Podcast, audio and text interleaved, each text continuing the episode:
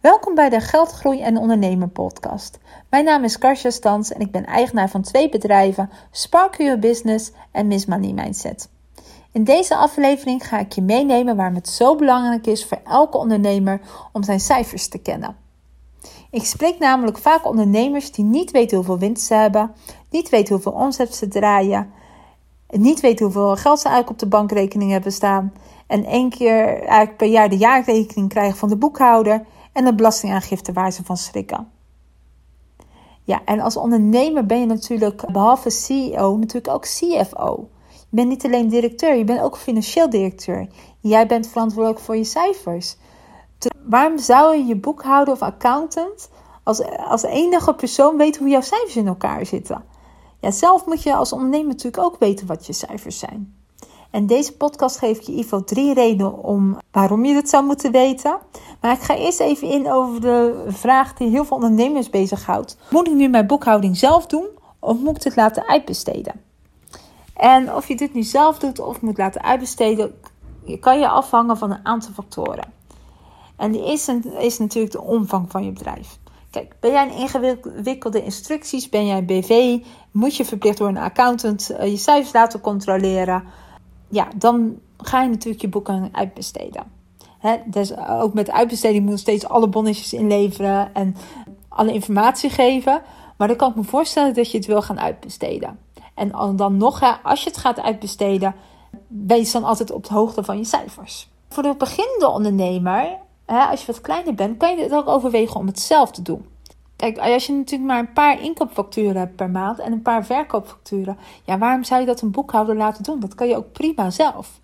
ten eerste word je heel erg bewust van hoe het werkt. Eh, wat gebeurt er nu als ik iets uitgeef? Je kan even kijken naar je winst. Dus dat is een heel bewustzijnproces, wat het heel erg ook gewoon als je gaat groeien, dat je in ieder geval weet hoe het werkt. Sommige, soms merk ik ook dat mensen gewoon ook een angst hebben voor boekhouding, voor cijfers in het algemeen. En dat is dan juist zo mooi om juist je boekhouding uh, zelf te doen of daarmee te beginnen. Omdat het, ja, weet je, ga je angsten aan. Maar als jij steeds onder een deken denkt van, nou, ik weet die cijfers niet, ik wil het niet weten en het zal wel. Ja, dan wordt natuurlijk op een gegeven moment, ga je een keer mee geconfronteerd worden als het slecht gaat. Of het is zo'n pijn op dat je er niet meer uitkomt, dat je het laat uitbesteden. En dan is het allemaal weer netjes. Ga je weer terug in je, onder je dekentje. Een maand later weer een chaos. Dus laat je angst voor cijfers niet weerhouden om je boekhouding zelf te doen. Ik zou juist zeggen, doe het dan zelf. Maar of je het nu uitbesteedt of niet, ik denk het belangrijkste is dat je wel in controle bent van je cijfers. Dat jij of zelf elke maand heel even resultaten draait of kijk hoe ver je staat en met je bankrekening erbij. Ook als je het uitbesteedt, vraag gewoon elke maand een overzicht aan je boekhouder en je accountant. Het zijn jouw cijfers en jij hebt recht op. Maar waarom is dat nou zo belangrijk dat je je cijfers goed kent? Ten eerste is het gewoon bewustzijn. Als jij bezig bent met je cijfers, als je elke maand gewoon heel even naar je cijfers kijkt, dan weet je ook welke omzet je draait en welke kosten je maakt. En dat kan heel nuttig zijn, want je wordt er bewust van, waarom heb je nu zoveel omzet deze maand of zo weinig omzet? Wat is er gebeurd? Waarom heb je ineens zo heel veel kosten? En het is niet goed of fout, het is gewoon dat je bewust bent waarom je zoveel verdient. Hè, waarom je die winst hebt die maand. En je kan nog veel verder gaan en dan gaan we eigenlijk, eigenlijk de tweede reden, de groeikant op. Als je wil groeien, moet je weten wat er gebeurt in je bedrijf. En niet alleen qua marketing en niet alleen qua uh, creativiteit, juist als je wil groeien en juist als je met marketing bezig bent, moet je kijken wat het oplevert. weet jij wat jouw meest winstgevende product is? Of jouw meest verliesgevende dienst? Weet je hoeveel uur je daarmee bezig bent? Pas als je dat inzichtelijk hebt, weet je ook waar je je aandacht op moet besteden. En het kan natuurlijk zijn dat je efficiënter moet gaan werken. Het kan juist zijn dat je misschien afscheid moet nemen van het verliesgevende product of dienst. Het kan zijn dat je juist heel veel moet marketing moet gaan inzetten op dat meest winstgevende product, zodat je nog steeds meer gaat verdienen. Maar het is ook heel mooi om te kunnen kijken van, hey, als ik zoveel winst heb, uh, ook voor je planning en ook, dus nog steeds een stukje ook bewustzijn, hoeveel belasting moet ik dan betalen en reserveren? Als je wilt groeien, moet je weten wat er gebeurt in je bedrijf qua cijfers. Want dan pas kan je actie ondernemen. Dan pas kan je efficiënter gaan kijken hoe je kan groeien. Dat helpt natuurlijk ook heel erg als je een financieel plan maakt. als je een financieel plan maakt, moet je weten waar je nu staat qua cijfers.